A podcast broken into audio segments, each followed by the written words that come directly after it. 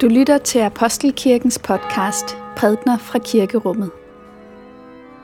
Find mere information på apostelkirken.dk. God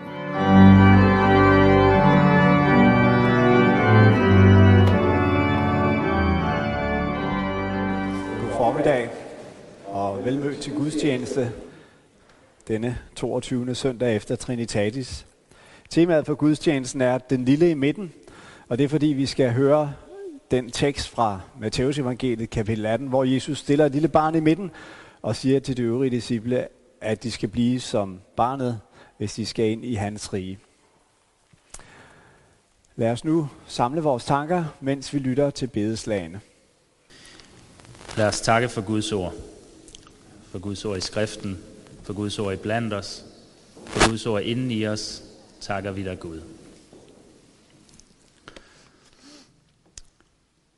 På den tid kom disciplene hen til Jesus og spurgte, Hvem er den største i himmeriget? Han kaldte et lille barn hen til sig, stillede det midt i blandt dem og sagde, Sandelig siger jeg jer, hvis I ikke vender om og bliver som børn, kommer I slet ikke ind i himmeriget. Den, der ydmyger sig og bliver som dette barn, er den største i himmeriget.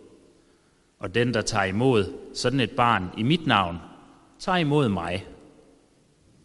Men den, der bringer en af disse små, som tror på mig, til fald, var bedre tjent med at få en møllesten hængt om halsen og blive sænket i havets dyb.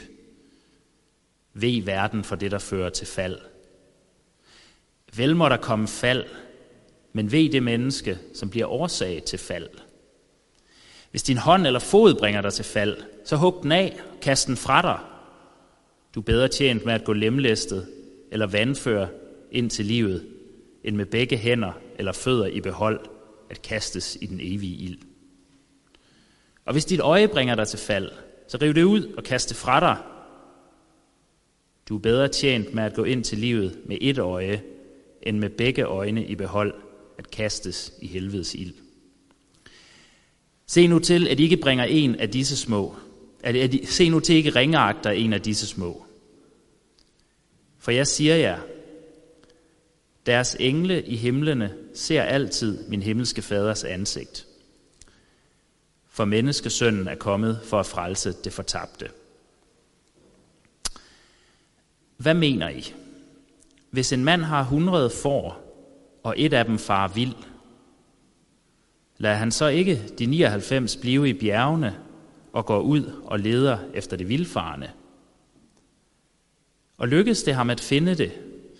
Sandelig, jeg siger jer, han glæder sig mere over det, end over de 99, der ikke får vild.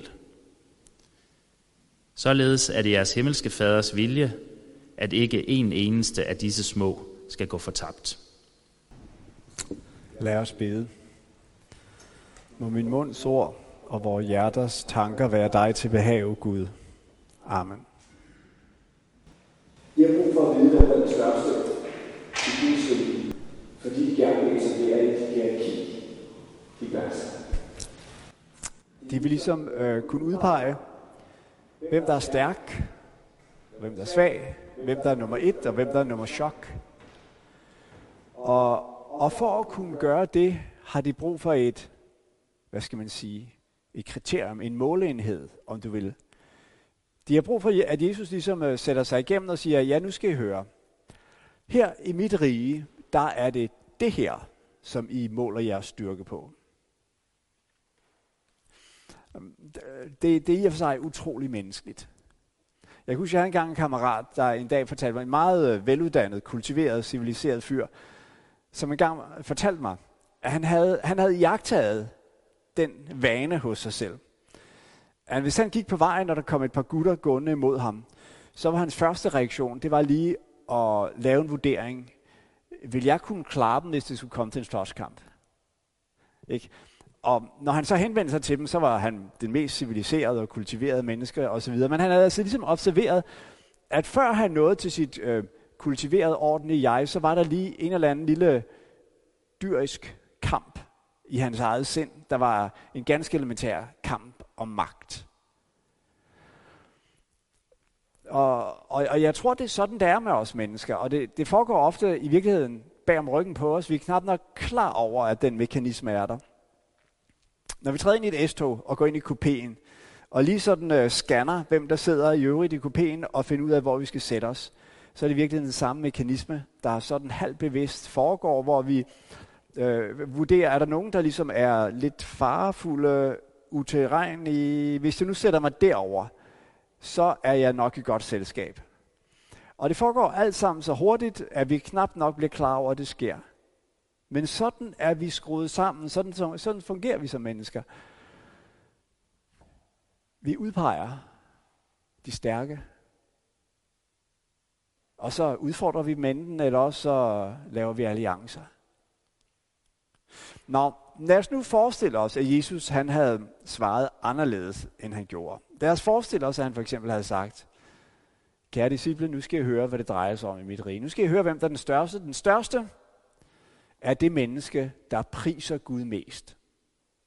Hvad var der så sket? Ja, så var der jo ligesom udskrevet en konkurrence i at prise Gud. Og disciplerne, de ville straks gå i gang med at prise Gud, og de ville ikke spare sig nogen anstrengelse for at lovprise Gud mest. Men er det kun Gud, de lovpriser? Nej, det handler vel i virkeligheden også om noget andet. Det handler om, at de ikke bare vil give Gud ære, men at de selv vil vinde ære. At de selv vil vinde den første plads. Så der på en måde er en lille splittelse ind i deres sind. En splittelse mellem på den ene side det, de synes at gøre, og på den anden side det, som, hvad skal man sige, også foregår i deres sind. Eller forestil dig, at Jesus han havde sagt, den største i mit rige, det er ham, der tager sig af de svage. Ikke? Så vil konkurrencen være udskrevet. Okay, hvem er også bedst til at tage sig af de svage? Og så vil de gå ud, og de vil øh, se, hvor, hvor har vi nogle øh, elendige mennesker, som, vi kan, som virkelig har behov. Og så går vi hen og hjælper dem, og så er det bare om at være den, der når længst med den her hjælp. Fordi at så, ja, så har man jo sådan set kvalificeret til førstepladsen. Og hvad er det, der sker i den proces? Det, som sker, er jo, at man går fra at ville hjælpe til at være en hjælper. Øhm, Kant, Immanuel Kant, han har en meget enkel definition på forskellen på etisk og uetisk handling. Han siger, den uetiske handling, det er, når dit medmenneske bliver et middel. Og den etiske handling er, når mennesket får lov at være et mål i sig selv. Og i den forstand, så vil det gør handlingerne uetiske, fordi det, det, medmennesket vil jo bare være et middel til, at jeg kunne manifestere mig selv som hjælper. Og vi vil være fanget i den her endeløse splittelse mellem, hvad vi synes at gøre, og hvad, der, hvad vi virkelig gør, hvad der foregår på bunden af vores øh, sind.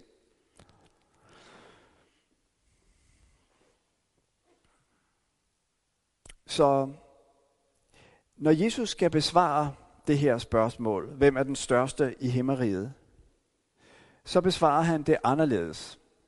Han besvarer det ved at kalde disciplene til omvendelse.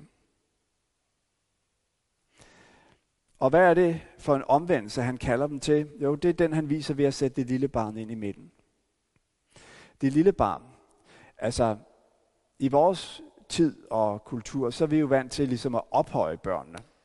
Børnene er så umiddelbare, de har ligesom den direkte forbindelse til Gud og så videre. Jeg tror ikke, det var sådan, Jesus tænkte. Det er sådan, noget, det er sådan en forestilling, der er kommet til med, med romantikken. Nej, pointen var for Jesus meget snarere den enkle, at øh, børn var ubetydelige. De hørte til i periferien. Altså, var der mennesker samlet i en fornuftig samtale, så skulle børnene tige stille, og de skulle helst ikke blande sig med de voksne. Så pointen er, at Jesus han tager det her ubetydelige barn ind og sætter det i centrum og siger, okay, begynder I at forstå pointen? Den her kamp om at blive nummer et, øh, om at være den første, det er den, der er noget galt med. Og hvis vi nu skulle formulere det lidt tilspidset, så kunne vi det sige sådan her. Pointen er,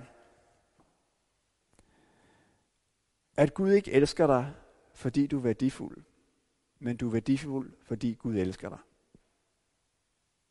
Hans kærlighed kommer altid først. Vi kommer aldrig bagom den. Vi kan ikke ligesom pege på det i os, som vi siger, åh, her har vi det værdifulde, det som gør, at Gud han elsker os. Nej, han elsker os, og det gør os værdifulde. Vi sang for et øjeblik siden den her sang, You Say. Den er skrevet af en øh, amerikansk sangerinde, der hedder Lauren Daigle. Og øhm, ja, altså, jeg vil, jeg vil gerne øh, øh, vedkende mig, at det er mig, der har fået den på repertoireet her i Apostelkirken. Jeg synes, den er stærk og gribende. Og den sætter jo ord på, øh, hvad skal man sige, den her øh, kvinde, som, øh, som har en erfaring, man kan vel kalde det en erfaring af mindre værd. Hun føler, at hun ikke rigtig lever op til de andres forventninger, at hun ikke er god nok, at hun er, at hun er middelmodig. Og øhm, de her stemmer, de larmer i hendes sind, og hun har svært ved at komme ud af dem. Og så på den anden side i omkvædet, så siger hun, men du siger til mig, at jeg er elsket, at jeg er stærk, når jeg er svag. Og så det er ligesom stemmerne i hendes sind på den ene side, og så Guds stemme på den anden side, som bliver spillet ud mod hinanden, og så siger hun, jeg vil lytte til, hvad du siger. Det er dig, der skal forklare mig, hvad jeg er. En stærk og, og gribende sang, som taler ind i erfaringen af mindre værd. Men så var der en, der sagde til mig, om jeg var klar over, at hende, uh, Lauren Daigle, hun var den mest populære øhm, amerikanske kristne popsanger. Og lige netop den her sang, den er nummer et på hitlisten. Og der er millioner af mennesker, der har set den, og givet den deres likes og sendt hjerter til hende osv. Og så kunne jeg ikke lade være med at tænke, okay, jamen altså, så har hun vel fået medicinen for det der mindre værd, har hun ikke? Alle disse endeløse skare af mennesker, som nu siger, hvor er du fantastisk. Altså, så behøver hun vel ikke længere at føle, at hun ikke lige øh, forstår, formår at, at udmærke sig. Så jeg kom til at tænke på, jeg håber, hun har en anden sang at skrive også en gang. En sang, der handler om nogle andre stemmer. Nemlig de stemmer i vores sind, der siger til os, at vi er bedre end andre. De stemmer, der gør os selvfede, selvgode, selvoptagende, fordi at vi føler, at vi, øh, vi, vi, vi udmærker os, og dermed får et dømmende blik over for vores medmennesker. For der er jo en, en dyb sammenhæng mellem mindreværd og hovmod. vær er vel i grunden en skjult form for hovmod. Det er, vi har svært ved at komme overens med at acceptere vores grænse, vores hjælpeløshed vores afhængighed af at blive mødt af kærlighed. Øhm, jeg vil gerne se den sang. Jeg vil gerne synge den, fordi jeg tror, at den også har noget at sige til os. Det Jesus siger til sine disciple i dagens tekst, da de fremkommer med deres ønske om at øh, han skal sige, hvem der er størst i Guds rige, det er, at han siger, at de skal omvende sig. Hvad vil det sige at omvende sig? Jeg tror, at den form for omvendelse, som Jesus taler om her, det er en, en ting, som foregår gentagende gange. En daglig omvendelse. Og hvor i består den omvendelse? Jo, den består i, at afstå fra at lytte til alle de stemmer, der ligesom fortæller os, hvad vi er, ud fra hvordan vi øh, klarer os i verden. Hvad enten det er dem, der kalder på hovmod, eller øh, på mindre værd. Den daglige omvendelse er at blive bevidst om, hvad det i grunden er for nogle stemmer. Og give dem deres rette navn. Ikke undskylde dem. Ikke hverken i selvmedlidenhed eller i hovmod. Besmykke dem. Men at sige, det her, det er nogle stemmer, som taler fra et sted, hvor jeg ikke hører til. Og jeg har brug for at gøre op med dem. Jeg har brug for, at de ikke kommer til at fylde mit liv. Jeg må give et billede på den daglige omvendelse. Hjemme hos os er vi begyndt at læse nogle, nogle gamle børnebøger, der kaldes Laura-bøgerne. Der er sikkert nogle af jer, der, kan, der har hørt dem i jeres barndom. Laura-bøgerne handler om den her familie, som tager øh, ud i det vilde vest. Ud vestpå og er nybyggere. Først i en stor skov, og så ude på prærien.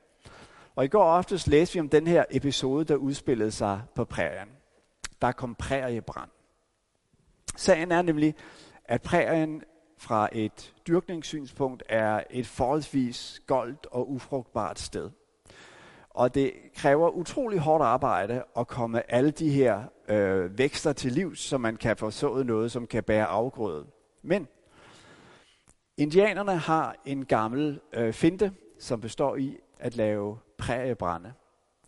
Hvis en brand bevæger sig hen over prærien, så vil øh, den fjerne det alt sammen, og jorden den vil blive øh, blottet, og der vil kunne komme øh, nyt og frisk græs op igen.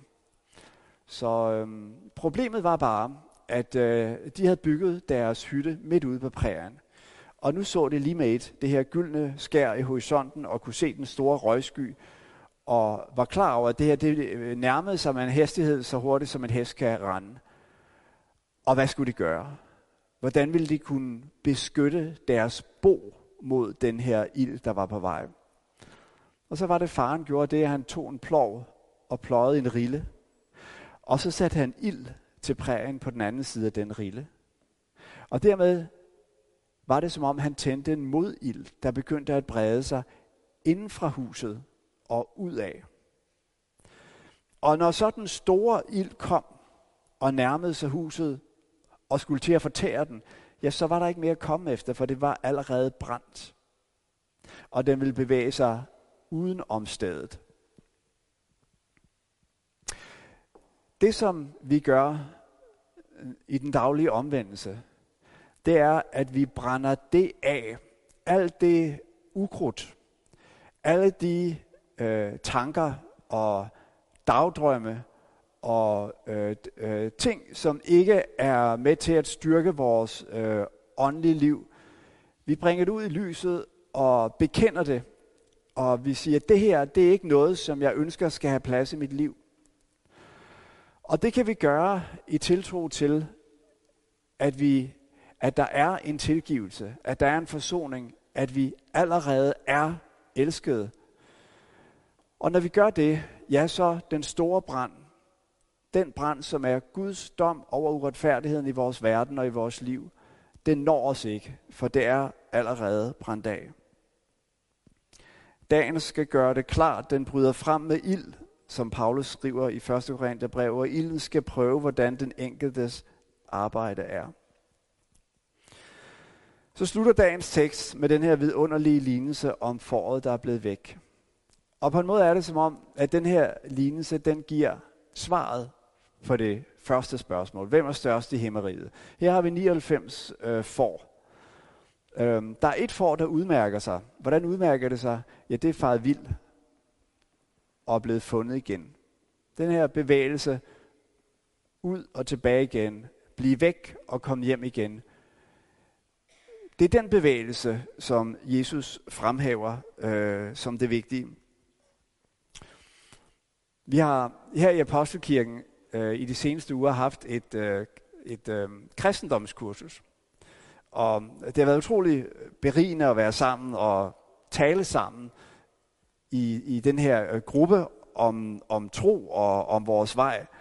Og en af de første gange, så havde vi en snak om, hvad vi egentlig forventede. Og så var en, der, der formulerede det sådan her. Jeg er her for at blive fundet.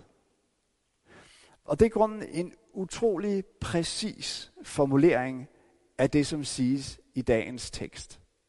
For i den formulering ligger en bevidsthed om, at der er en, der er ude og lede efter mig.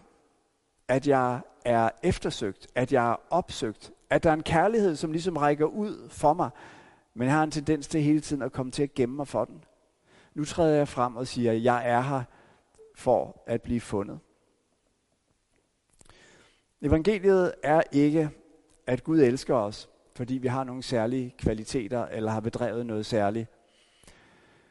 Gud elsker os ikke, fordi vi er værdifulde, men vi er værdifulde, fordi han elsker os. Lov og tak og evig ære være dig, vor Gud, Fader, Søn og Helligånd.